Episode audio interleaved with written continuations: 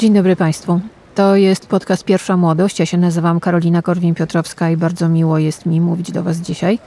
Przypomnę, że premiera mojego podcastu jest w każdy piątek o godzinie 18 na Spotify, na Apple Podcast, na Google Podcast i na moim kanale na YouTube. Ten podcast powstaje dzięki patronom z Patronite'a, którzy co tydzień o godzinie 18 mają w swoich skrzynkach bardzo taki fajny newsletter, polegający między innymi na tym, że wszystko o czym mówię podcaście jest zalinkowane, opowiedziane, a są też bonusy.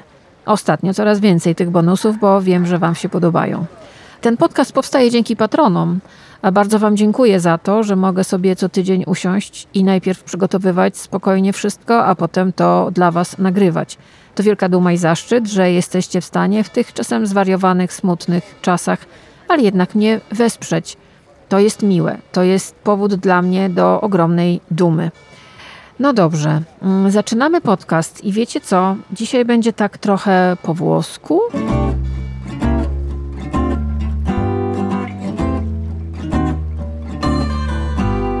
Potrafiła do moich rąk e, książka, która mnie zainspirowała dzisiaj, bo e, mam ostatnio takie wrażenie, znaczy ostatnio, od paru dobrych lat, że świat, który znałam, powoli się kończy i na jego miejsce powstaje coś, co nie do końca wzbudza mój entuzjazm. I po głowie chodzi mi taki pomysł, żeby może jakimś cudem odwiedzić miejsca, które na, zanim szczezną. Miejsca, które lubię, które podziwiam, które wzbudziły kiedyś mój niemy, szczenięcy zachwyt. Bo mam takie wrażenie nieodparte, że my robimy wszystko, żeby to po prostu zrównać z ziemią. Niszczymy po prostu wszystko. Przy okazji też i siebie, no ale Homo sapiens to moim zdaniem nie brzmi już dumnie. I trafiła do moich rąk książka Henry'ego Jamesa e, Godziny włoskie.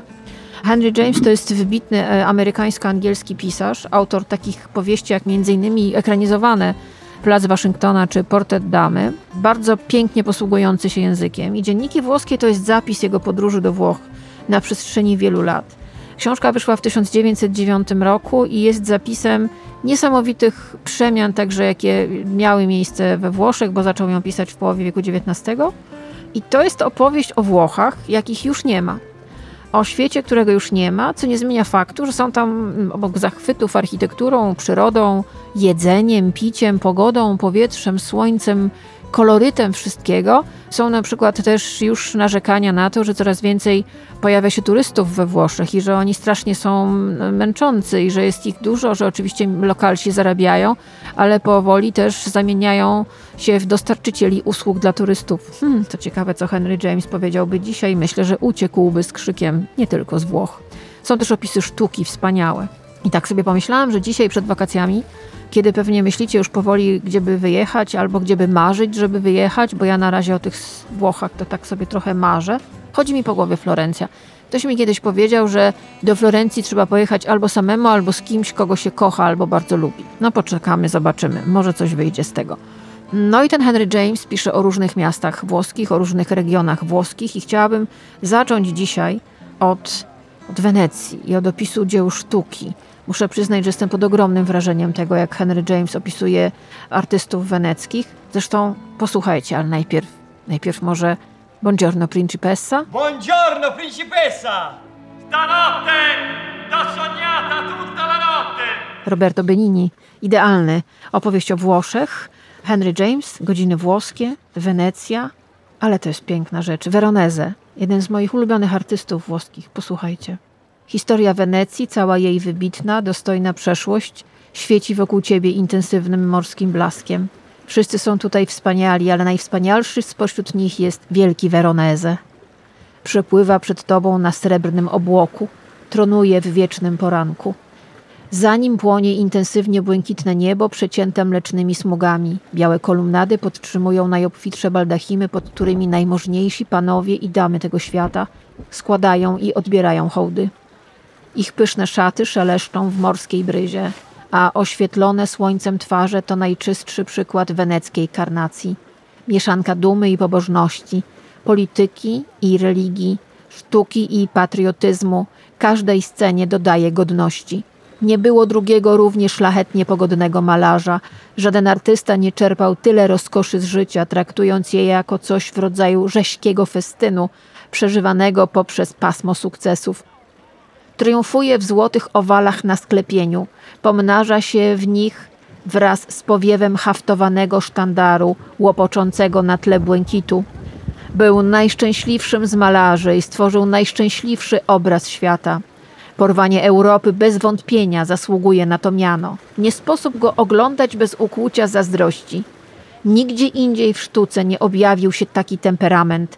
Nigdzie talent i możliwości nie zbiegły się, aby wyrazić podobną radość.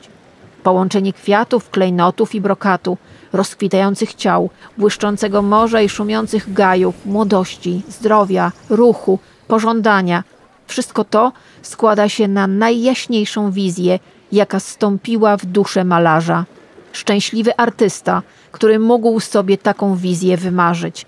Szczęśliwy ten, co zdołał namalować ją tak, jak w mojej pamięci zapisało się to arcydzieło. Zamykam książkę i myślę sobie, że chciałabym takie opisy dzieł sztuki czytać, bo myślę, że to porwanie Europy Veroneza, które możemy zobaczyć w Wenecji, naprawdę już mamy przed oczami. To się nazywa bogactwo języka i to się nazywa, myślę, piękne zachęcenie do tego, żeby do tej Wenecji jednak pojechać. Mimo turystów, na których Henry James utyskuje, warto iść do muzeum i stanąć i zatopić się przed najwspanialszymi dziełami, które w tych muzeach możemy oglądać. Piękne to było. To była Wenecja e, piórem Henry'ego Jamesa, to był Veronese piórem Henry'ego Jamesa. Jeszcze będą dwa, jeszcze będą dwie wizyty. Będziemy w Rzymie i będziemy we Florencji. No dobrze, a teraz przejdę do filmu. Rzadko mi się zdarza, żeby płakać przez cały seans. Musiałam ten film obejrzeć dwa razy. Najpierw płakałam, a za drugim razem już byłam w stanie obejrzeć w miarę na spokojnie. No nic dziwnego, proszę Państwa. To jest opowieść o człowieku, który wie, że umrze. To jest opowieść o wielkiej gwieździe Hollywood, która pewnego dnia w wieku 29 lat dowiedziała się, że umrze. Dawano mu wtedy 10 lat. Jakoś zaskoczył lekarzy, bo nadal żyje. Ten ktoś to Michael J. Fox. I niesamowity dokument, Still, możemy oglądać na Apple TV. Posłuchajcie zresztą. The story of me, take two. Three, two, here we go. Ready and action. To był mały, niewysoki chłopak z kanadyjskiej bazy wojskowej, który przez swój upór i determinację i wielkie marzenie stał się jedną z największych gwiazd w historii Hollywood. Zawsze był mały, zawsze był bardzo ruchliwy i nie chodził, a biegał. Opowiada o tym, że biegał do, po, po, miasteczku, po domu, po prostu matka go goniła, biegał do sklepu, kupował cukierki, bo okazało się, że miał pieniądze, nie trzeba było kraść. Opowieść o dzieciństwie, które było w miarę fajne, z jednym małym problemem. Michael J. Fox był niski, był mały, był najmniejszy w klasie. Tam jest e, pokazana seria zdjęć jego klasowych, gdzie dzieciaki, albo na przykład drużyn, w których brał udział, jest grupa dzieciaków i ten najmniejszy to było wiadomo, że zawsze jest on. To jest ten, który wygląda najmłodziej, to jest ten, który wygląda na dziecko, kiedy na przykład wokół niego już są naprawdę brodaci nastolatkowie. I on pewnego dnia wystąpił w teatrzyku, mógł coś zagrać i spodobało mu się to. I powiedział tacie, że chciałby pojechać do Hollywood chciałby tam zacząć, chciałby spróbować, bo mieć agenta i po prostu pracować tam, chciałby być aktorem. I ojciec, któremu bał się na początku to powiedzieć, powiedział: Dobrze, pomogę ci. Za swoje pieniądze, znaczy sfinansował mu całą tę podróż, zawiózł go tam, prowadzili na zmianę samochód. Był z nim na początku, kiedy Michael J. Fox y, zaczął chodzić na różne castingi i kiedy już wiedział, że jego syn no coś tam będzie grał, no z głodu nie umrze, wrócił do domu. I to jest opowieść o tym, jak ten chłopak przez kilka lat naprawdę walczył. Walczył jak dziki. Jadł byle co, żył byle gdzie, funkcjonował byle jak, y, chodził na wszystkie możliwe castingi i coś zawsze w nim nie pasowało. Coś, coś, coś było nie tak. No ale w końcu okazało się, że karta się odwraca i karta się odwraca fantastycznie. On dostaje rolę w bardzo znanym sitcomie, potem dostaje rolę w Powrocie do przyszłości i staje się gwiazdą globalną, na punkcie której wszyscy wariują. On tam opowiada o tym, jak stanął przed kioskiem z gazetami i on był na wszystkich okładkach po prostu i po prostu no, uu, można było zwariować. Czy on zwariował? No, twierdzi, że nie, aczkolwiek były momenty, gdzie no, troszeczkę może palemka była i on się z tego dzisiaj śmieje.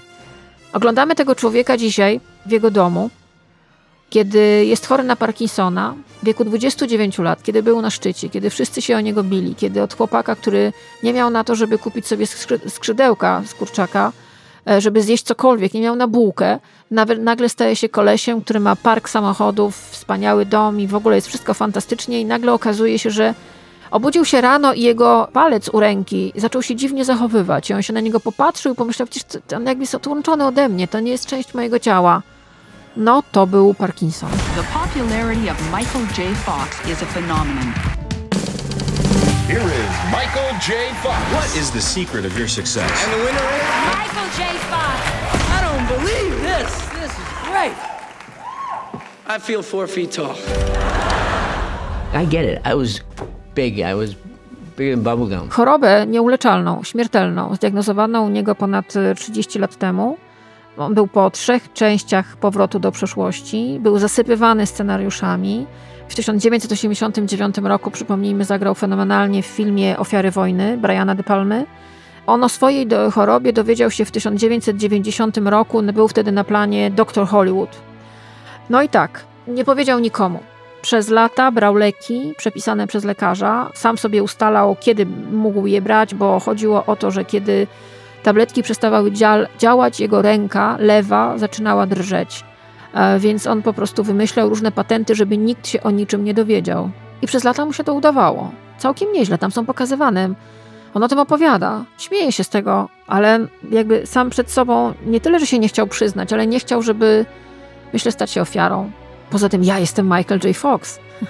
Tam jego żona, którą zresztą spotkał na planie filmowym, z którą jest już od tylu lat, śmieje się trochę z niego.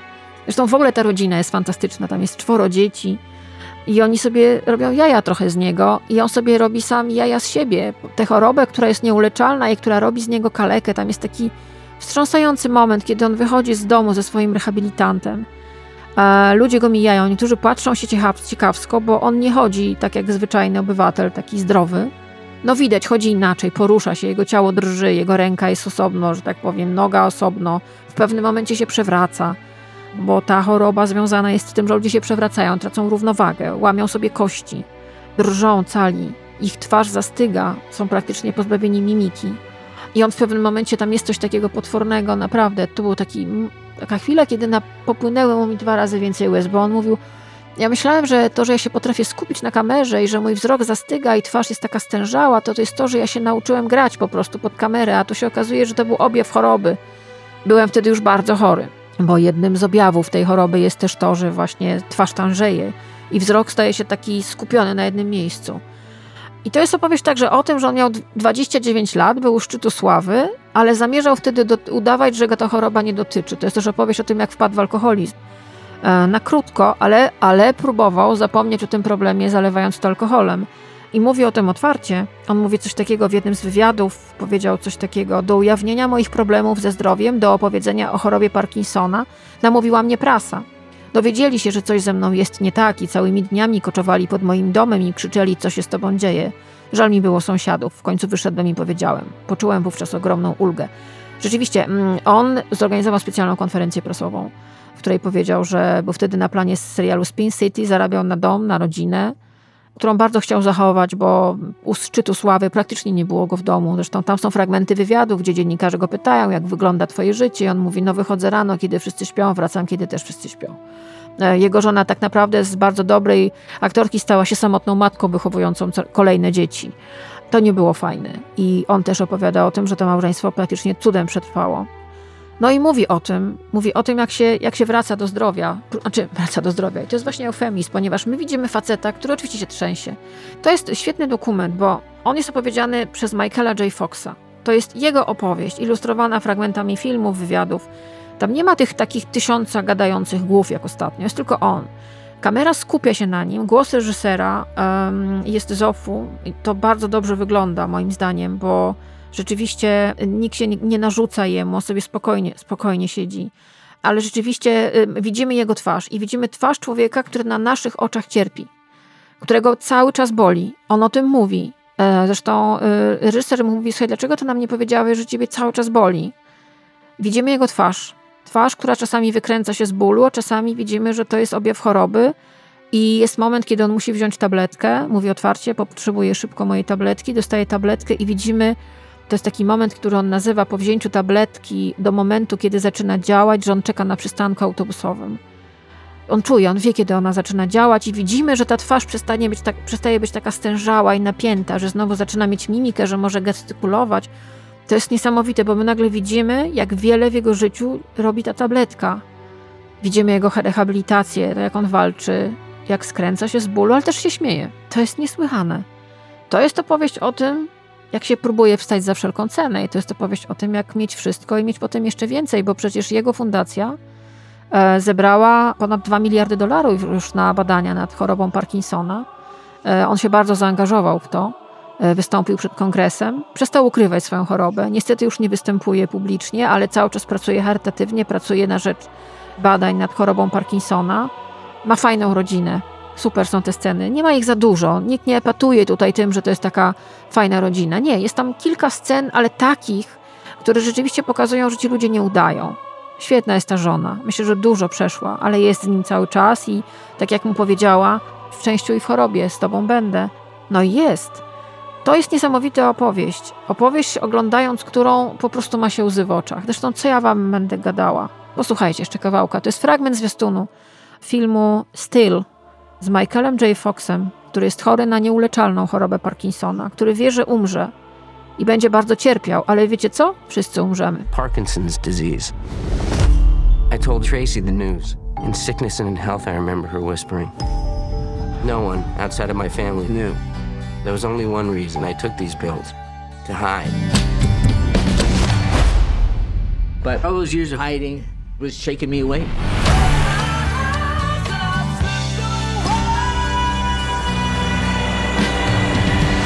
To deny that part of me that wants to continue to go on and do things is, is to quit. I won't accept that.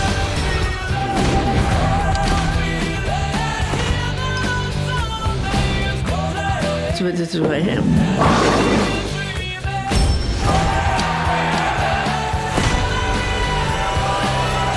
I'm a tough uh, son of a bitch. Pomyślałam, jak oglądałam ten film o Michaelu J. Foxie, wobec którego ja mam, miałam zawsze wielki szacunek, ale to jest naprawdę, to jest absolutny heros.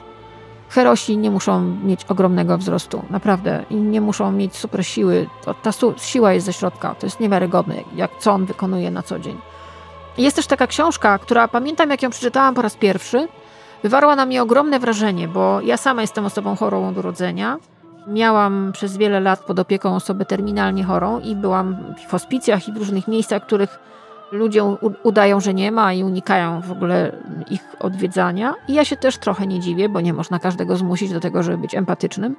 I nie każdy musi być hop do przodu i nie myśleć o tym, że czas płynie i kiedyś naprawdę to się wszystko może, może dla nas bardzo źle skończyć. Więc to jest taka książka, która nosi tytuł Choroba jako metafora, Susan Sontag. Przeczytam Państwu to, co jest na okładce. Ruchy totalitarne miały szczególną inklinację do symboliki choroby. Żydzi europejscy byli ustawicznie przyrównywani do raka, którego należy wyciąć. Gdy zjawiska polityczne zestawia się obrazowo jedynie z chorobami śmiertelnymi, metafora zyskuje charakter szczególnie kategoryczny. Obecnie, kiedy zdarzenia lub sytuacje polityczne przedstawiane są przenośnie jako choroby, mamy do czynienia z wskazaniem czyjejś winy i domaganiem się kary. Niesamowita książka. Książka, która to, to są jakby dwie, dwie w jednej. Choroba jako metafora i AIDS jako, i, i jego metafory. Ja przeczytam Państwu fragment z początku, bo to jest generalnie o raku, ale nie tylko o raku, bo zamiast rak możemy wstawić jakąkolwiek inną chorobę. Posłuchajcie. Susan Sontag. Wszystkie te uniki stosowane wobec chorych na raka, a także przez nich samych dowodzą, jak trudno jest człowiekowi pogodzić się ze śmiercią, gdy dane jest mu żyć w społeczeństwie przemysłowym. Ponieważ śmierć stała się dla nas faktem upokarzająco bezsensownym, choroba powszechnie utożsamiana ze śmiercią odbierana jest jako coś, co należy ukrywać. Zasada uników w rozmowach z chorymi na raka to wyraz przeświadczenia, że lepiej oszczędzić umierającemu informacji, że umierają. Oraz, że śmierć dobra to śmierć niespodziewana, najlepiej w stanie nieświadomości lub we śnie. Ta współczesna skłonność do odrzucania śmierci nie wyjaśnia jednak skali kłamstw oraz tego, jak chętnie znajdują one posłuch. Nie dotyka najgłębszego lęku.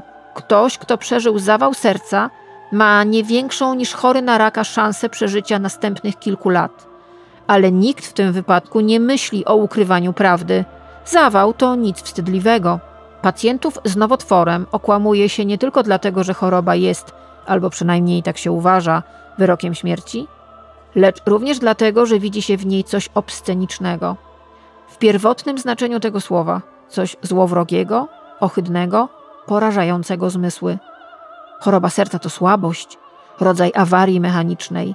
Nie ma w niej nic żenującego, nic stabu, które otaczało niegdyś gruźlików, a dziś otacza chorych na raka. Metaforyka gruźlicy i raka przywołuje procesy biologiczne, szczególnie szokujące i odrażające. To jest wstrząsająca książka, naprawdę, która otwiera nam oczy na to, jaką wielką metaforą w ogóle w dzisiejszych czasach jest choroba, szczególnie rak, szczególnie nowotwór. Wcześniej była to gruźlica, a dzisiaj AIDS. Bardzo ją Wam polecam. Zresztą to tak trochę dziwnie brzmi może, ale polecam Wam, bo to jest też taka książka, która jeżeli dotknęło Was kiedyś cierpienie, a ja nie ukrywam, miałam taki moment, zresztą jak ją kupiłam sobie wiele lat temu, znalazłam ją teraz na półce, na szczęście była w domu, nie oddałam nikomu. Ja ją kupiłam bardzo wiele lat temu i pamiętam, czytałam ją, czekając na y, wyniki moich badań. Zastanawiałam się, co będzie dalej. Było to niedługo po śmierci moich rodziców czułam się generalnie bardzo źle. Dziś już wiem, że to był początek choroby, na którą teraz cierpię, ale która wtedy była niewykrywalna. Ale wiem, co to znaczy ból i wiem, co to znaczy też ta dziwna aura wokół chorób, wokół ludzi chorych. Pół dzieciństwa spędziłam w szpitalach i naprawdę wiem, co bycie osobą chorą robi nie tylko z tą chorą osobą, ale z otoczeniem wokół niej. To jest, to jest, wezmę to w cudzysłów hit, tu by się przydał ksiądz Kaczkowski, który bardzo mądrze o tym mówił. Ale zostawmy to na chwilę, bo mam dla Was fragment zwiastunu Teatru Telewizji Polskiej, sztuki pod tytułem Chory z urojenia, bo tutaj Andrzej Grabowski w roli głównej, a w tym zwiastunie, mówi o czymś, o czym za chwilę będę Państwu opowiadać i to będzie chyba śmieszne. Posłuchajcie. W tym miesiącu wziąłem raz, dwa, trzy, cztery, pięć, sześć, siedem, osiem lekarstw i raz, dwa, trzy, cztery, sześć, siedem, osiem, dziewięć, dziesięć, jedenaście, dwanaście lewatyw, podczas gdy w poprzednim miesiącu było raz, dwa, trzy, o. No właśnie. Andrzej Grabowski to był przed chwileczką ze zwiastuna Teatru Telewizji y, sztuki pod tytułem Chory z urojenia. I to mi się niesamowicie skojarzyło, jak oglądałam film pod tytułem Chora na siebie. Jak już tak był Michael J. Fox, była Susan Sontag, to teraz Chora na siebie. I słuchajcie, to jest film, który jest groteską. Na dzisiejsze, potwornie schizofreniczne, pochrzanione, popieprzone, pokręcone czasy, w których religią jest narcyzm i ekshibicjonizm. Kiedyś ekshibicjonista, jak biegał, nie wiem, po parku i pokazywał, co tam miał pod płaszczem, to się go zamykało w zakładzie dla e, psychicznie chorych. Dzisiaj on zostaje gwiazdą Instagrama. Kiedyś ktoś, kto opowiadał dużo o swoim życiu prywatnym, mówiono mu, żeby się zamknął, żeby siedział cicho, żeby nie opowiadał, że może jednak nie. A teraz to jest okazja do tego, żeby wzbudzić na swój temat ogromne zainteresowanie, bo to zainteresowanie no, jest drogą do czegoś tam, zwykle do sukcesu. Ja pamiętam, jak kiedyś jeden z moich szefów powiedział mi takie zdanie, wiesz, no, no gdybyś ty usiadła i opowiedziała o swojej historii, to wszyscy by cię pokochali. Pytanie, czy ja chcę, żeby mnie wszyscy kochali? Bo ja myślę, że nawet nie kochają wszyscy zupy pomidorowej, a co dopiero mnie. Ale nie powiem, ile razy ja słyszałam propozycję, żeby zrobić coś i wyjść na ściankę, zrobić coś, bo to mi pomoże, czy coś tam, albo żeby coś zainscenizować, żeby wymyśleć. I ten film pod tytułem Chora na siebie, który można już zobaczyć na VOD. Ja podejrzewam, że on za chwilę pojawi się w takim regularnym streamingu, ale obejrzałam go. On był w kinach przed w lutym. Przeleciał mi kompletnie i bardzo żałuję, ale wyrównałam to, odrobiłam zaległości i powiem wam, to jest opowieść o dziewczynie, to jest film norweski, film, który był jednym z takich objawień minionego zeszłorocznego festiwalu filmowego w Cannes. I to jest dziewczyna, która nazywa się Sine, ona ma chłopaka, który jest y, młody, inteligentny i w ogóle projektuje meble i e, wydaje się, że, że wszystko jest ok. One ma, mieszkają razem, mają piękne mieszkanie, tylko że on jest projektantem mebli, jest takim intelektualistą, natomiast ona pracuje w knajpie i rozlewa kawę po prostu, w takim, no w takim, nie wiem, coffee heaven, coś w tym stylu. No i teraz wyobraźcie sobie, że ten film zaczyna się od jakby ona jest taka dystansowana do tej jego sławy i wydaje się, że mają gdzieś, ale jeden rzut oka na tę dziewczynę wystarczy, żeby wiedzieć, że to jej nie leży. Znaczy, że ona mu zazdrości, że ona widzi, że on wzbudza duże zainteresowanie, a to zainteresowanie wydaje jej się bardzo sexy. No i ona próbuje jakoś to zainteresowanie wzbudzić. Nie za bardzo jej to wychodzi. Jest moment przełomowy, kiedy ona pracuje w tej kawiarni i kobieta wchodzi do, mm, nagle wpada zakrwawiona do tej knajpy, gdzie ona pracuje. E, Sine ją e, tam e, troszkę ratuje, przykłada jej coś do szyi, jest pogryziona przez psa ta kobieta. No i ona, Sine jest cała oblana krwią w związku z tym. Przyjeżdża policja, zbierają od niej zeznania, mówią niech się pani przebierze. Ona cały czas jest w tej zakrwawionej bluzce, cała jest z, krwi, z krwią tej kobiety na twarzy. I nagle ona wraca z tym do domu, nie przebrała się, czyli ta koszula zakrwawiona, krew na twarzy i widzi, czuje to, jakie wzbudza pozytywne zainteresowanie mijających ludzi na ulicy. Mało tego, przychodzi do domu, gdzie jest jej chłopak, który siedzi w kuchni, w ogóle nie zwraca na nią uwagi, jak ona wchodzi. Ona stoi w tej koszuli zakrwawionej, on nagle to widzi i nagle ona widzi, zauważyła, że on też ją zauważył w jakimś sensie. Bo to jest taka wielopoziomowa opowieść o dziewczynie, która chciała być zauważona. Ja kiedyś rozmawiałam z pewnym psychoterapeutą, który mi opowiadał, że cechą dzisiejszych czasów nie jest wołanie o uwagę, ale wrzask. Ludzie wrzeszczą o uwagę. E, już zwykły krzyk nie wystarczy. Trzeba, trzeba wrzeszczeć. I ona w pewnym momencie, ta Sine, zorientowała się, na początku w ogóle z gwiazdą taką wśród znajomych, ojej, no uratowałaś kobietę, pies ją pogryzł, byłaś zakrwawiona, o, jakby robi za bohaterkę. No ale ile można jechać na swoim bohaterstwie wobec kobiety, tylko przykładając jej, nie wiem, nam ścierkę zdaje się do szyi, czy coś tego, żeby, żeby zatamować krew. Ale chodzi za nią to, że poczuła, jakby zasmakowała tej sławy. To jest e, coś takiego, jak ludzie wchodzą do telewizji na przykład i stają się nałogowymi uczestnikami różnych teleturniejów albo reality show. To się oczywiście bierze z tego, że oni mają z tego w dzisiejszych czasach oczywiście głównie zarobki i popularność w sieci, ale Wcześniej też polegało to na tym, że oni byli zauważani, że oni stawali się tą właśnie gwiazdą w swoim bloku, na podwórku, w dzielnicy, w warzywniaku, że ktoś ich rozpoznał. Nie wszyscy nie lubią być rozpoznawani. Większość ludzi jednak lubi, nasze ego lubi być łechtane. No i ta Sine poczuła, że to ego było połechtane, no ale troszeczkę to wszystko opada. I na co wpadła? Wpadła na coś niesamowitego, mianowicie miała jakiegoś tam kolego dealera, którego kiedyś kupowała jakieś grzybki i zamówiła u niego tabletki nielegalne z Rosji, psychotropowe. I zaczyna je brać. Zaczyna je brać w potwornych ilościach, no bo sobie wymyśliła, że zachoruje na jakąś rzadką chorobę. Tak to przynajmniej wygląda. No i rzeczywiście sprawa do, doprowadza ją do tego, że ląduje w szpitalu raz, drugi. Gdzieś mniej więcej można przewidzieć, jak to się będzie dalej toczyło, ale tam jest kilka super patentów, między innymi taki, że ona sobie na przykład wyobraża w pewnym momencie, jak pisze książkę o swoim życiu i oczywiście mimo tego, że ma jej twarz ulega pewnej deformacji, bo leki, które brała, popijała to alkoholem, ale generalnie brała tego wszystkiego za dużo, bez sensu, to były leki nielegalne, nie wiadomo skąd były w ogóle te tabletki w jakichś dziwnych opakowaniach, no to spowodowało, że ona miała, wyglądało to jak uczulenie, ale potem było coraz gorzej, zaczęły wypadać jej włosy, no i twarz stała się zdeformowana i ona w pewnym momencie wpada na pomysł, już nie mówię, nie powiem wam z jakiego powodu, ale że napisałaby książkę o swoim życiu, chora na siebie właśnie i że stałaby się wtedy gwiazdą, tak? I że stałaby się modelką, i że stałaby się. Ona cały czas, mimo tego, że rzeczywiście zaczyna się to zabijać, ona pluje krwią, ona wymiotuje, ona się przewraca, łysieje. No słuchajcie, jej życie przypomina jakąś, jakąś, jakąś masakrę, ale staje się równocześnie jednak rzeczywiście osobą, która wzbudza zainteresowanie. Wszyscy się nad o nią troszczą. Nawet ten jej chłopak się o nią troszczy. Mało tego, tam jest taka super scena w autobusie, kiedy on ją odbiera ze szpitala i ona ma taką twarz przykrytą bandażami, widać tylko oczy i usta. I siedzi obok niego. Na początku siedzą kompletnie nieruchomo, jak obcy ludzie, ale on widzi, że obserwuje go dziewczyna, która siedzi parę rzędów dalej.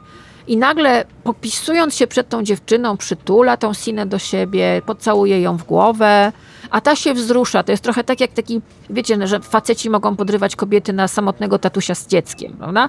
Że nie ma nic bardziej rozczulającego już. Nie facet z psem, nie, to było, to było dawno. Teraz facet z dzieckiem. Więc ja myślę, że chłopak Sinę dokładnie się zorientował o co chodzi. Że on by mógł wyrywać laski na to, że ma chorą narzeczoną. Naprawdę, to widać było w nim. I to jest opowieść o tym, do czego człowiek jest zdolny, na co jest gotów, jak potrafi się zapędzić, no, w tym wrzasku o bycie zauważonym. Znaczy, narcyzm jest w dzisiejszych czasach cnotą. Narcyzm jest obłędem kulturowym. Ta dziewczyna jest chora na zazdrość o sławę swojego chłopaka i o to, że on udzielał wywiadów jako ten projektant. Jest chora na głowę, bardzo poważnie. Ta głowa jej krwawi. Zresztą tam są sceny naprawdę takie, Ale my się śmiejemy z tego, bo to jest tragikomiczne, to jest bardzo sarkastyczne, to jest bardzo ironiczne. I to jest ubrane właśnie w taki kostium opowieści o dziewczynie, która po prostu chciała być zauważona i do czego była zdolna, żeby stać się osobą zauważoną. To jest metafora naszych czasów. Ja oglądałam ten film i myślałam sobie, taki film powinien być pokazywany, nie wiem, maturzystom, żeby wiedzieli, w jaki świat wchodzą, bo to jest absolutnie genialna, pochodząca z Norwegii, diagnoza nas, naszych czasów. Tragikomedia pełna sarkazmu. To nie jest zwykła komedia. Ona jest, to jest tragikomedia z dużym elementem sarkazmu i taką bardzo mocną ironią, ale też jednocześnie pokazująca przerażający świat, porażający świat. Ten świat jest dookoła nas i tydzień temu, pamiętacie, mówiłam wam o pewnej blogerce z Australii, która wszystkich oszukała na to, że ma raka mózgu. Choroba jest w dzisiejszych czasach i ja wiem, niekiedy jest za to zhejtowano, ale zobaczcie, co się dzieje dzisiaj w mediach. Choroba może być patentem na zaistnienie. Choroba w dzisiejszych czasach, nie mówię tu oczywiście o Michaelu J. Foxie, ale ten film, Chora na siebie. I ta zeszłotygodniowa opowieść o owej blogerce z Australii, która wszystkich oszukała, udając, że jest chorą, ale było, ma ile było takich historii o ludziach, którzy po prostu chcieli wzbudzić zainteresowanie poprzez swoją chorobę. To się stało niestety dla ludzi, którzy, nie wiem, ktoś ich nie przytulał, nie, nie, nie całował, nie, nie kochał. Nagle choroba staje się jakimś pretekstem do zaistnienia. No posłuchajcie, teraz tak, usłyszycie scenę bez dźwięku, znaczy bez, bez dialogów, ale wyobraźcie sobie, bo tam jest, dużo dźwięku się dzieje. A więc, wyobraźcie sobie, Sina leży w szpitalu. To jest jej pierwszy pobyt w szpitalu, jest cała zabandażowana, twarz ma zabandażowaną, bandaż jest częściowo czerwony, zakrwawiony twarz jej krwawi po prostu. Ściąga e, wenflon, wstaje z łóżka i idzie do lustra. I w lustrze robi sobie selfie. W szpitalu, gdzie tak naprawdę nikt nie wie, co jej jest. Lekarze są zszokowani, nie wiadomo, co jej się stało. No ona nikomu nie powie prawdy, że brała nielegalne tabletki i że bardzo chciała być chora i sobie wymyśliła tę chorobę, że chciałaby być po prostu chora, ale ona w tym momencie zaczyna swój pochód ku sławie. Naprawdę. Posłuchajcie.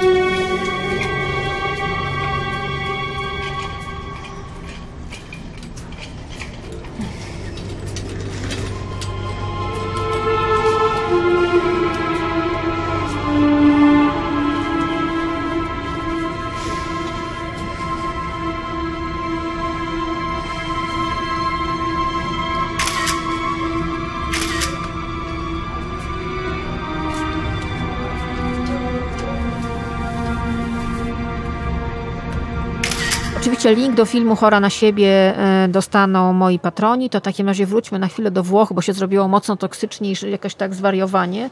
Boże, to moje biurko, ono jest naprawdę za małe. Dobrze, to teraz będzie, będzie Rzym, proszę Państwa. Ale najpierw... A nie, to najpierw przeczytam coś. A to jest Rzym. Otwieram.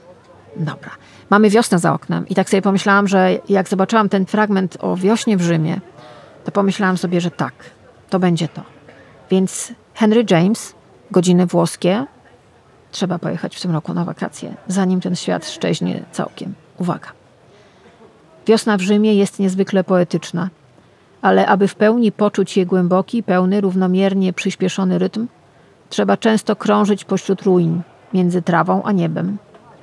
Zima bezsprzecznie ma swoje zalety i przede wszystkim jest czasem barw kiedy bez egzaltacji, jak o czymś zwyczajnym, można mówić o purpurowych tonach atmosfery.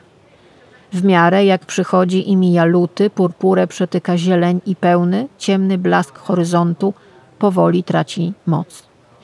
Tę stratę wynagradzają ci inne przyjemności.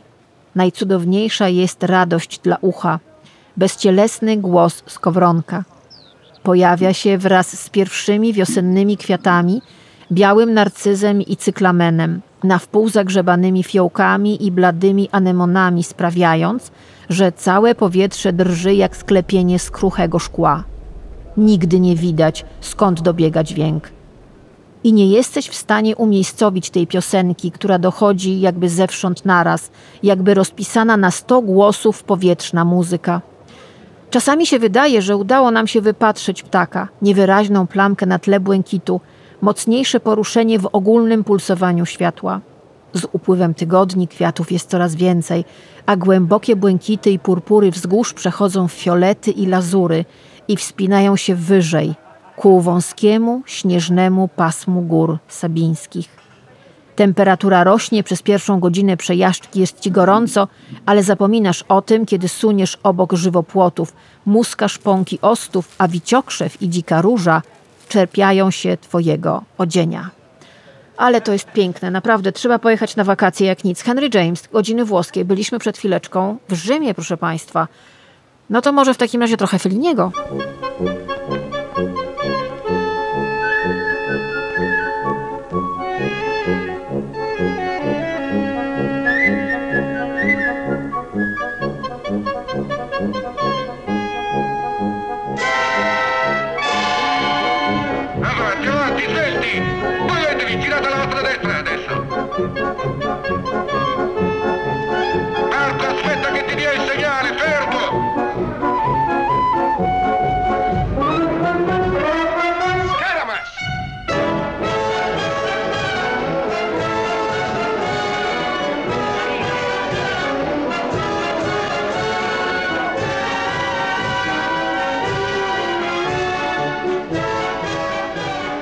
To był Fellini z filmu 8,5, 1973 rok, taki symbol Włoch, tak mi się skojarzyło z tym Rzymem. A teraz, proszę Państwa, opowieść o brytyjskim Wogu, odcinek kolejny, bo rzeczywiście ma brytyjski Wog, nowego naczelnego, to jest Edward Enninful. No, on uznał, że po prostu Wog brytyjski doczekać się musi zmian. Ma 107 lat. No i teraz, uwaga, trzymajcie się mocno, e, wydany został Wog w wydaniu brejlowskim. Majowy numer publikacji został również udostępniony w formacie audio, aby zwiększyć dostępność dla osób niewidomych i słabowidzących. No, ten numer nazywa się Reframing Fashion i jest y, skupiony absolutnie na wszystkich osobach z niepełnosprawnościami. Mm, Ma pięć okładek. Na jednej z nich jest m.in. Selma Blair, dziewczyna, która, aktorka, która y, cierpi na stwardnienie rozsiane. I to jest rzeczywiście y, cała edycja tego brytyjskiego Woga wspaniała. Y, Odbiła się bardzo szerokim echem w mediach światowych i nie tylko. Ona została wyprodukowana z taką firmą konsultingową, która zajmuje się dostępnością i integracją. Ona doradzała największym markom świata, m.in. Starbucksowi. Doradzała y, w tym, jak sprawić, żeby ich firmy były bardziej przyjazne dla osób z niepełnosprawnościami. Sama zatrudnia 19 osób z, z, z niepełnosprawnościami u siebie. Edward Enninful, który jest naprawdę fantastycznym kolesiem, sam on mówi w wywiadzie Guardianowi, że e, sam jest osobą z niepełnosprawnością i on ma swoje własne, bardzo brutalne doświadczenia z tym związane. Mówi tak w wywiadzie dla Guardiana. Miałem pięć odwarstwień siatkówki. Jestem częściowo niewidomy, a mój słuch jest mniejszy niż 50%. Teraz noszę aparaty słuchowe. Nigdy mnie to nie powstrzymało, ale jest tak wiele osób z niewidocznymi niepełnosprawnościami, które nigdy o tym nie mówią, ponieważ może im to przeszkadzać. Nigdy nie miałem tego strachu. Kiedy udzielam wywiadów, muszę prosić ludzi, aby mówili na pewnym poziomie, żeby mówili głośniej, ale to są rzeczy, które są mną, to są rzeczy, które po prostu przyjąłem. Zawsze mówimy o różnorodności i integracji, ale musi to dotyczyć także naszych niepełnosprawnych braci i sióstr. To jest cytat z Guardiana. I to jest naprawdę niesamowita rzecz, bo ten y, numer Woga majowy y, z nowym kierownictwem to jest kolejny numer Woga, kolejna edycja, która pokazuje, jak bardzo ta gazeta się zmienia. Były dziewczyny w rozmiarze takim jak większość kobiet na ulicy. Teraz mamy osoby z niepełnosprawnościami. Mamy numer, który został nagrany dla osób niedowid- niewidzących, niedowidzących i mamy numer, który został wydany y, z alfabetem Braille'a. No, to są naprawdę momenty przełomowe. Zresztą ten numer brailleowski bardzo ciekawie wygląda. Patroni dostaną zdjęcie. Bardzo fajnie, że są takie osoby jak Edward Enninful i oni zostają dyrektorami, y, redaktorami naczelnymi takich gazet jak Vogue, bo kiedyś Vogue to było miejsce, w którym no naprawdę nikt, kto nie miał rozmiaru zero i nie był ponętną blondynką albo smukłą brunetką, nie miał w ogóle szans. Świat się zmienia i to jest dla mnie fantastyczne. Ja czasem, ja naprawdę chcę widzieć szklankę do połowy pełną i jak widzę takie okładki Vogue, na przykład z Selmą Blair, która dumnie patrzy w kamerę, w obiektyw aparatu, a jest dziewczyną, która jeszcze niedawno prawie umierała. Ja śledzę jej Instagrama i widziałam, jak ona strasznie cierpiała i jak było jej potwornie ciężko. Tej kobiecie naprawdę zawaliło się całe życie. Była bardzo długo źle diagnozowana, co też e, odbiło się na jej zdrowiu. Ale no, to też jest ciekawe, że Enin Full nie u, y, w ogóle nie uległ naciskowi marketingu. Bo wiecie, oficjalnie my jesteśmy wszyscy inkluzywni. Oficjalnie my wszyscy kochamy ludzi z niepełnosprawnościami, bo wiemy, że nie wypada powiedzieć czegoś w kontrze. Ale nieoficjalnie. Dobrze wiemy, że jesteśmy hipokrytami. Taka hipokryzja wyszła niedawno, na przykład ostatnio w pewnej telewizji informacyjnej, gdzie pewien pan pod koniec programu odważył się rzucić dowcip w stronę Piotra Jaconia i jego córki, która zmieniła, jest zmieniła płeć, po prostu. Ten dowcip był ohydny. Oczywiście stacja zareagowała, tralala, parara, ale jak ja to oglądałam, bo ja nie oglądam telewizji, ktoś mi przysłał po prostu ten fragment. Z Twittera zresztą, bo jego nie ma oficjalnie w internecie. Puściłabym go wam, ale nie chcę mieć kłopotów z TVN-em. I tak już mnie tam nie pokazują, ani nic mnie tam nie ma, więc jakby chrzanić to. Ale wiecie, pomyślałam sobie, że ta historia pokazuje przede wszystkim jedną rzecz. Znowu uderzyłam w mikrofon że my na zewnątrz jesteśmy totalnymi hipokrytami. Udajemy ludzi, którymi nie jesteśmy. Hipokryzja jest gdzieś wpisana w nas. Tylko mi się wydaje, że jeżeli na prawo i lewo mówimy o tolerancji i mówimy o tym, że trzeba mieć szacunek do ludzi i doceniamy to, że ludzie wychodzą na przykład ze swoimi historiami e, zmiany płci, wyautowania się, życia. Przecież ludzie nikomu nie, nie, nie robią krzywdy, oni nikogo nie krzywdzą. I jeżeli dochodzi do takich rzeczy, jeżeli widzimy, to wychodzi w badaniach, że ludzie są coraz bardziej otwarci na to, że nawet w takim kraju jak nasz, który jest dość zaściankowy i niestety konserwatywny i bardzo też transfobiczny, coraz więcej ludzi otwiera się na to. Nie ma z tym problemu. Nie, nie słucha jakichś mądrali dziaderskich, którzy im mówią, że coś jest złe albo coś trzeba koniecznie wyśmiać. Jeżeli w telewizji, która nazywa się wolnymi mediami, dzieje się coś takiego, okej, dobra, była reakcja i super. Byłoby gorzej, gdyby jej nie było. Ale samo to, że to się tam dzieje i że to jest takie ha, ha, ha, hi, hi, hi, nie, to nie jest ha, ha, ha, hi, hi, hi.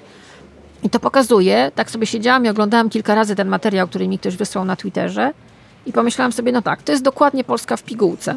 Oficjalnie jesteśmy, to jest tak jak z tym chodzeniem do kościoła co niedzielę, wiecie, chodzimy do kościoła do niedzielę, przynajmniej niektórzy z nas, może jeszcze, komunia, spowiedź, tararira, a w domu, nie wiem, bijemy żony. Albo kłamiemy, albo zdradzamy, albo kradniemy, robimy inne rzeczy. To się nazywa hipokryzja. Dzisiaj jest tak, że mówimy, nie, no wszystkich, ja jestem tolerancyjny, wszyscy kocham, w ogóle całuję, no feministki uwielbiam, transseksualnych uwielbiam, queery uwielbiam, super, super wspaniale, ale jak przychodzi co do czego i nagle tracisz rezon i przestajesz się kontrolować i jest takie boom. Jest taka kupa na środku salonu, z którą nie wiadomo co zrobić. I Enin Full, wracając do niego, on nie chce być hipokrytą. I na przykład wiele firm, bo okazało się, że jak on przyszedł do, do pracy w Wogu i zaczął forować swoje pomysły, no zaczęło się od tych dziewczyn plus size, czyli wyglądających jak większość kobiet na ziemi. No teraz były osoby z niepełnosprawnościami na okładkach. On powiedział wprost, odrzucił wiele reklam głównych marek modowych. Nie podał tych marek, bo podejrzewam, że nie chce, iść, nie, nie chce wylądować w sądzie, ale które miały no, pewne wątpliwości co do tego, czy aby na pewno w magazynie modowym może być na przykład dziewczyna na wózku albo z, inną, niepełnosprawnością, albo ze stwardnieniem rozsianym, albo niskorosła, bo takie, takie zdjęcia są w tym numerze Woga. Są wspaniałe. No i on stwierdził koniec z tym. To jest bardzo odważna decyzja, bo musimy sobie zdawać sprawę, że bardzo wiele firm, które oficjalnie mówią, że są w ogóle kochają cały świat i tolerancja to jest, odmieniają to przez wszystkie możliwe przypadki, tak nie jest. Ja ostatnio słyszałam opowieść o pewnym castingu do filmu w pewnej firmie, która oficjalnie uchodzi za bardzo tolerancyjną i kocha cały świat, a LGBT i w ogóle, a kobiety plus size to już w ogóle łyżkami mogłaby jeść. Tylko jedna aktorka usłyszała, ona jest za gruba. A nie jest. Jest mo- mojego rozmiaru. Błagam, no po prostu nie, ona jest za gruba i jest jej za dużo, ona musiała schud- musi by, musiałaby schudnąć. Więc przestańmy opowiadać banialuki, przestańmy opowiadać pierdoły, że jesteśmy wszyscy bardzo otwarci i tolerancyjni, bo to jest nieprawda.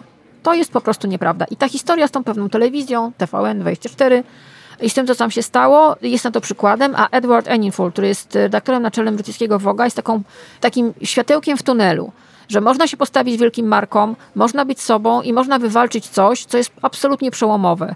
Numer brytyjskiego Woga ukazał się w wydaniu brajlowskim, ukazał się w wydaniu audio.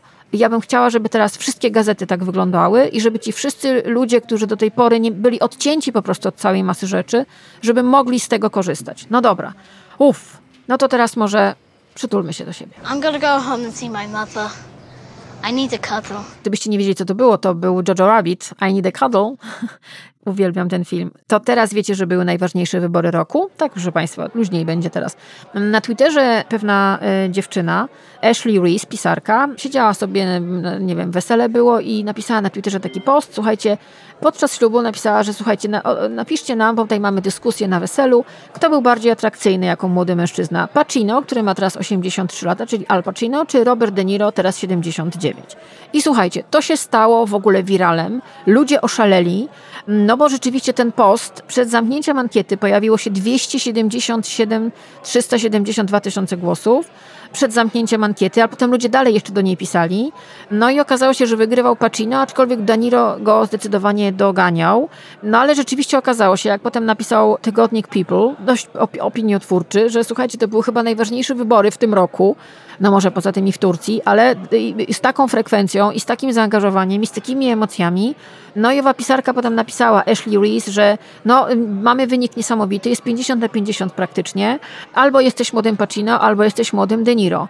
I jak niektórzy pisali, że e, w, tym, w tej ankiecie, która dotyczyła tego, kto jest przystojniejszy w młodych latach, a oni obaj rzeczywiście byli mocnymi ciechami, brało więcej udział niż w niektórych wyborach lokalnych. Przypomnę, oni obaj, Al Pacino i Robert De Niro, weszli do świata Hollywoodu, do świata filmu w końcu lat 70.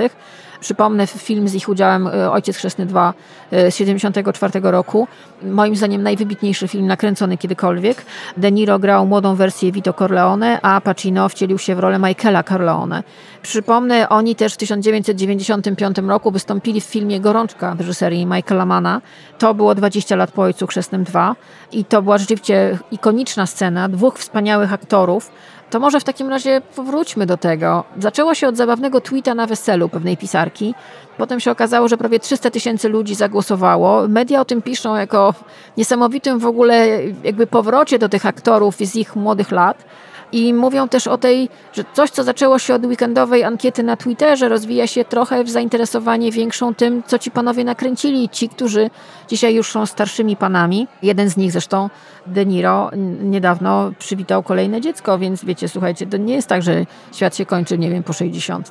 No dobrze, posłuchajmy. To jest krótki fragment tej słynnej sceny z baru, w filmie Michaela Mana pod tytułem Gorączka. To jest rok 1995 i wiecie, ja pamiętam jak szłam do kina.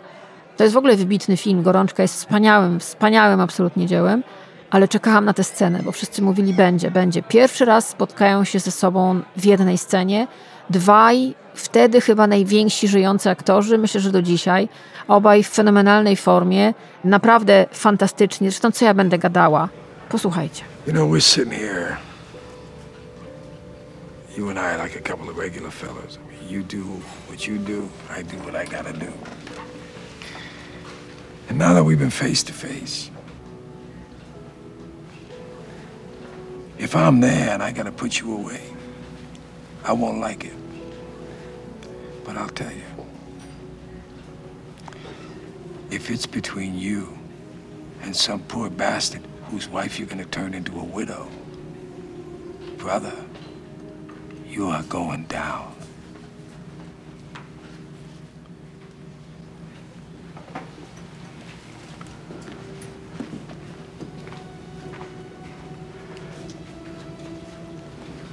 There's a flip side to that coin.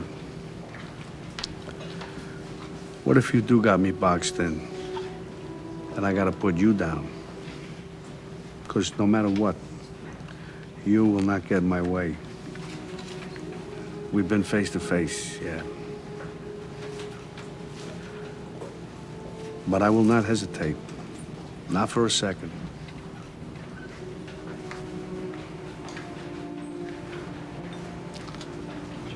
Maybe that's the way it'll be. Or who knows? Well, maybe we'll never see each other again. No dobrze, proszę Państwa, to może zanim przejedziemy do Florencji, posłuchajmy Maszczela Mastrojaniego w filmie Vittorio De Sicchi, Małżeństwo po włosku. Partneruje mu w tym filmie Sofia Loren. To jest taki moment, kiedy on po kłótni ze swoją żoną, Sofią Loren, próbuje odnaleźć pistolet y, w komodzie i jak widać nie jest zbyt zadowolony. Cretino! Cretino! Sei un cretino! È fetente! No dobra, i teraz proszę Państwa, otwieram tę Florencję. do której strasznie, strasznie chciałabym pojechać. I to jest opowieść o ogrodach Boboli przy Palazzo, Pałacu Pittich we Florencji. To jest przepiękne miejsce, absolutnie bajkowe. Przypomnę, to jest książka Henry'ego Jamesa, Godziny włoskie. Niesamowita pozycja, wspaniale przetłumaczona na język polski. Pierwsze zresztą wydanie polskie całkiem niedawno wyszło. Kapryśny czar pałacu Pittich polega na tym, że został on wyciosany grubo, a przy tym ma wyjątkowo eleganckie proporcje. Przylegające do niego tereny przeznaczone do wypoczynku i zabawy samodzielnie bronią honoru zamkniętych, pielęgnowanych, prywatnych parków. Ostoi spokoju, piękna i czystości w samym sercu miasta. Sądzę, że wszędzie i w każdych okolicznościach da się dowieść, że na świecie nie ma niczego bardziej rozkosznego niż rozległy, spokojny, dobrze rozplanowany miejski park. Z daleka dobiegają tam tylko pomruki odległych, niechętnie wytyczonych granic, ale brak innych niedogodności. W dodatku, o ile ogród jest w stylu włoskim, o tyle o dziwo pomija się w nim kwiaty jako zbyt błahe, tanie i zwyczajne. Nie ma też starannie utrzymanych trawników, zbyt często zamiatanych alejek i krótko przystrzyżonych żywopłotów. Kapryśny formalizm sprawia natomiast, że to niechlujstwo jest dość stylowe. Gdzie niegdzie wije się jakaś mroczna ścieżka obsadzona ostrokrzewem. Tu i ówdzie trafia się wyschnięta fontanna, a na każdym kroku spoglądają na nas zielonej alkowy pokryte pleśnią posągi. Nad tym wszystkim, w miejscu doskonale wybranym, góruje trawiasty amfiteatr. Z tyłu zamyka go kurtyna czarnych cyprysów, ku scenie zaś opada kaskada omszałych marmurowych stopni. Jeśli już w jakimś miejscu znajdziemy wspomniane atrakcje, spędzimy tam łagodne niedzielne popołudnie, kiedy bujne życie uliczne przyrzedziło tłum spacerowiczów, zostawiając nam na wyłączność głęboki spokój i prowadzące nie wiadomo dokąd cierniste perspektywy. Proszę Państwa, ostatni fragment. Henry James, godziny włoskie, to była Florencja. Jak nic, trzeba pojechać na wakacje, prawda? Może do Włoch, zobaczyć słońce, odetchnąć.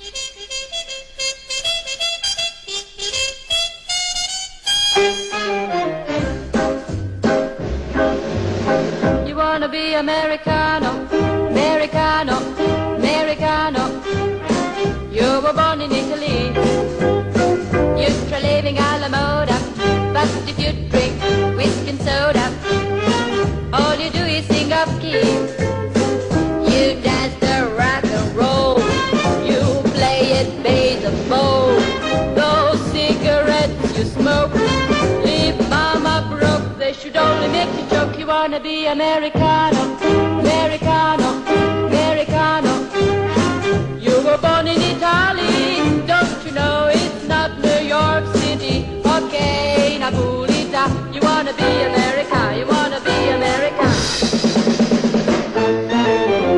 Zbliżamy się do końca, proszę Państwa. No to tak na koniec, żeby Was jeszcze rozbawić, bo tak było o chorobie, ale było też o wakacjach i o tym, że jesteśmy hipokrytami. A propos hipokryzji, nie, ja nie wiem, jak mam to powiedzieć. Słuchajcie, Gwyneth Paltrow sprzedaje wibratory. O tym wiadomo, bo ona to robi przez strony GUP. Ona już dawno przestała być aktorką, nawet już chyba nie udaje.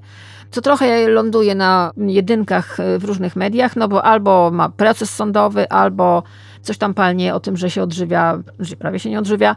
No i teraz słuchajcie, ona wypuściła zupełnie nową rzecz u siebie. Można to kupić przez stronę. Kosztuje 149 dolarów i to się nazywa Vesper Vibrator Necklace.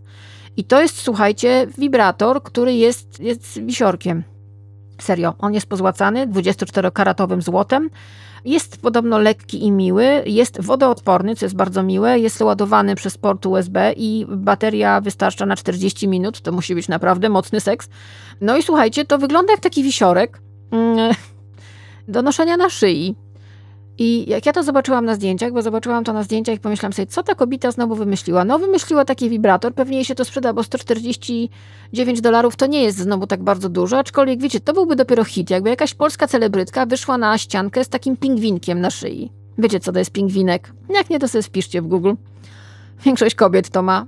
Ja pamiętam, miałam taką koleżankę, czy dalej ją mam, i to było dawno, jeszcze było w latach 90. Poszłam do łazienki na e, imprezie w jej domu, w jej mieszkaniu i tam naprawdę zamiast w takiej na, na półce w łazience, zamiast kosmetyków stały wibratory. Ona tam wtedy chyba tego miała, ja wiem, ze 20 sztuk. Kolory, kształty. Jezu, co to było? Nie wiedziałam, że wtedy można mieć tego tyle. Można, można sobie wieszać na szyi. Gwyneth Paltrow zarabia na tym dużo pieniędzy, podejrzewam. Słuchajcie, czyli jest takie dwa w jeden, w jednym, prawda? Że tu wisiorek, a jak mi się znudzi, to wibratorek. Już miłe, słuchajcie, chociaż ja bym z tym pingwinkiem popróbowała. Jak jakaś celebrytka się pojawi na ściance zamiast y, wisiorka Gwyneth Paltrow mieć pingwinka, wow, wchodzę w to, no. No i proszę Państwa, e, sobie tylko ona mogła teraz wy, wystąpić.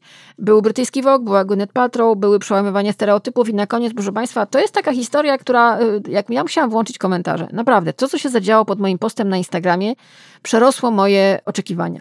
W wieku 80 lat Martha Stewart, guru e, domowego gotowania i porządków domowych, wystąpiła na okładce seksistowskiego, mizoginistycznego pisma Sports Illustrated które do tej pory kojarzyło się głównie z z dziewczynami, które są świetnie zbudowane, wyglądają bardzo apetycznie i mają bardzo powycinane bikini.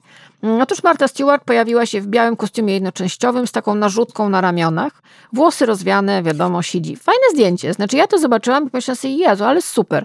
No słuchajcie, wcześniej na tej okładce e, była mama Ilona Maska, May Musk, ona ma 74 lata, przebiła ją Martha Stewart. No i to powiem tak, z jednej strony Martha Stewart jest, jak to mówią, świetnie utrzymaną starszą panią. Ona bardzo dużo ćwiczy, ćwiczy pilates, aerobik, ćwiczy jogę. Jest na, dba o to, co je, więc e, nie jest jej za dużo. Jest na pewno pod opieką świetnych lekarzy, także medycyny estetycznej. No nie udawajmy, że kobitki to robią. No ale oczywiście pojawiły się głosy, mnie się to podoba. Znaczy ja uważam, że to jest naprawdę przełamanie pewnego stereotypu. Czy ona sobie coś zrobiła z twarzą? Specjalnie mnie to nie interesuje. Patrzę się na zdjęcie laski, która ma 81 lat. Może wygląda na mniej, ale no może tak po prostu tak wygląda, no.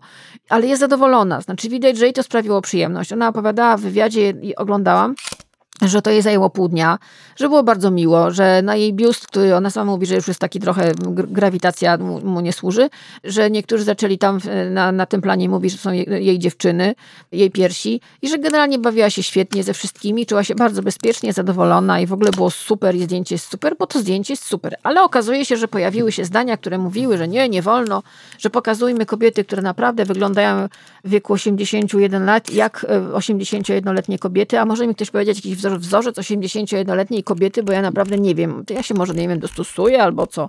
Niektórzy stwierdzili, że po prostu ona jest wyretuszowana. Znaczy, wszystkie zdjęcia w gazetach są jednak trochę retuszowane, bo jak się robi zdjęcie do gazety, to ona musi przejść oprawę graficzną. I rzeczywiście musi być przerobione. Nie, nie w całości, ale no, do druku trzeba je po prostu przygotować. Więc na pewno, może tam pewnie jest trochę wygładzona. No ja widziałam jej zdjęcia w realu, ale wiecie, bawienie się w tym momencie, wyszukiwanie zmarszczek na twarzy Marty Stewart, która ma 81 lat, zamiast się ucieszyć, że kurczę blade, no, przełamujemy kolejne stereotypy, no. Ja czekam, na, jak mieliśmy już najstarszą kobietę na okładce Woga, opowiadałam wam, mamy osoby z niepełnosprawnościami, mamy 81-letnią Martę Stewart, ja naprawdę, ten świat mi się może zacznie bardziej podobać.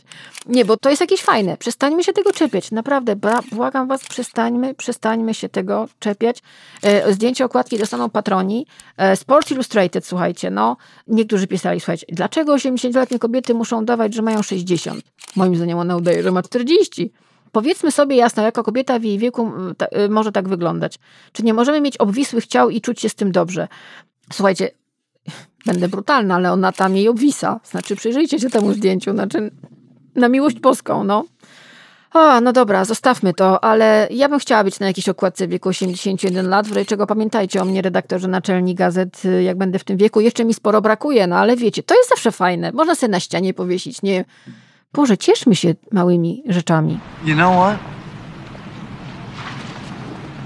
Fuck beauty contests. Life is one fucking beauty contest after another. You know, school, then college, then work? Fuck that. And fuck the Air Force Academy. If I want to fly, I'll find a way to fly. You, know, you do what you love, and fuck the rest.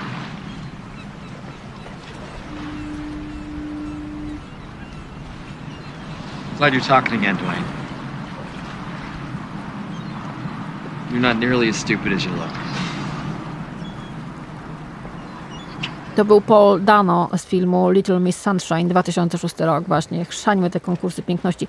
To był podcast Pierwsza Młodość, który przygotowała i prowadziła Karolina Korwin-Piotrowska. Przypomnę, patroni z Patronite'a, z progu 25 i więcej będą mieli z, e, bardzo fajny newsletter ze wszystkimi rzeczami, o których tutaj mówiłam i będą też ekstrasy, między innymi e, książka o chlebie, która ostatnio wpadła mi do rąk i udało mi się chleb z tej książki zrobić. Naprawdę.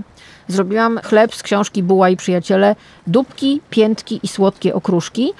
Dostałam tę książkę w prezencie i pomyślałam sobie, dobra, Korwin, wreszcie upieczesz chleb. No i go upiekłam i dostaniecie ten przepis, jak wam tu zrobię zdjęcie, żeby nie było, że się pod kogoś podszywam. Bardzo fajna sprawa. Bardzo było mi miło mówić do was dzisiaj. Mam nadzieję, że się nie rozgadałam za bardzo i że nie jestem zbyt nudna. E, Jak zwykle czekam na feedback zarówno na Instagramie, jak i na Patronajcie. Piszcie do mnie. Tak, trochę olewam Facebooka z bardzo prostego powodu. Najzwyczajniej w świecie wyrzuciłam aplikację z telefonu i to była chyba najlepsza decyzja mojego życia, bo jestem na Facebooku y, co drugi dzień o poranku przez, ja wiem, 7,5 minuty i to jest wszystko. Trochę mnie przeraziła jakość dyskusji na Facebooku już jakiś czas temu. Potem zawiesiłam y, mój profil, on był po prostu zamknięty. Potem go otworzyłam, jak zaczęłam robić podcast, pomyślałam sobie, dobra, spróbujmy. I jestem tam na zasadzie wizytującej gwiazdy. I tylko tyle. Nie, nie biorę w- udziału w żadnych dyskusjach. Jestem w jednej swojej zamkniętej grupce z dziewczynami i to jest wszystko. Wam też życzę naprawdę wylogowania się z mediów społecznościowych, bo wiem jedno, ja to zrobiłam jakieś parę miesięcy temu odkąd y, nie musiałam w nich tak bardzo siedzieć, przygotowując między innymi newsy do poranków w Antyradiu i to była najlepsza decyzja mojego życia. Odbodźcowanie się. Praktycznie w ogóle nie oglądam telewizji, Facebooka praktycznie co drugi dzień. No jest ten Instagram, czasami Twitter albo rzadko, ale na Twitterze nie biorę udziału w żadnych dyskusjach. Moja zasada, nie biorę udziału w żadnych dyskusjach. Nie wchodzę w to. Czytam sobie czasami i to wszystko. To po prostu nie ma sensu. Świata nie zmienimy, a nasza głowa będzie spokojniejsza. Moja zdecydowanie jest. Po prostu nie chcę zwariować. Byłam potwornie przebodźcowana. Jeszcze tylko muszę jakoś opanować to, że mam ewidentnie nadwrażliwość na dźwięki, ale mam nadzieję, że jak pojadę na wakacje, to mi to przejdzie. Ale wakacje jeszcze za chwilę. No to co, pożegnałam się już? To może jeszcze raz. To była Pierwsza Młodość, podcast, magazynek Karoliny Korwin-Piotrowskiej, którego premiera jest w każdy piątek o godzinie 18 na Spotify, na Apple Podcast i na Google Podcast i na moim kanale na YouTube. Bardzo Was proszę o subskrybowanie, to się przydaje. Zapraszam do wsparcia na Patronite. Ten podcast zmontował i jego wydawcą jest, był i będzie Mateusz Nowosad. Nagrywany był ode mnie z domu, psy nie wchodziły, było cicho i spokojnie, było miło i było trochę po włosku. Może ta Florencja jesienią, może to nie jest głupi pomysł. To może w takim razie na koniec z Anna Maniani z filmu Rzym Federico Felliniego z 1972 roku. Bardzo piękna scena, bardzo piękny moment, bardzo piękny film. Obejrzałam go sobie jakieś pół roku temu znowu. W ogóle zrobiłam sobie powtórkę z Felliniego. Kurczę, skurczybyk, nic się nie zestarzał. No to w takim razie do usłyszenia za tydzień. Bądźcie zdrowi, bądźcie bezpieczni, odbodźcujcie się, wyrzucajcie głupie aplikacje z telefonów. To naprawdę nic nie da i to nie, nie czyni was szczęśliwszymi. No i bądźcie zdrowi w kontekście dzisiejszego programu. Myślę, że to bardzo ważne. Patroni będą mieli wszystkie linki w swojej skrzynce. A teraz na pożegnanie. Anna Maniani. Do usłyszenia za tydzień. Buonanotte.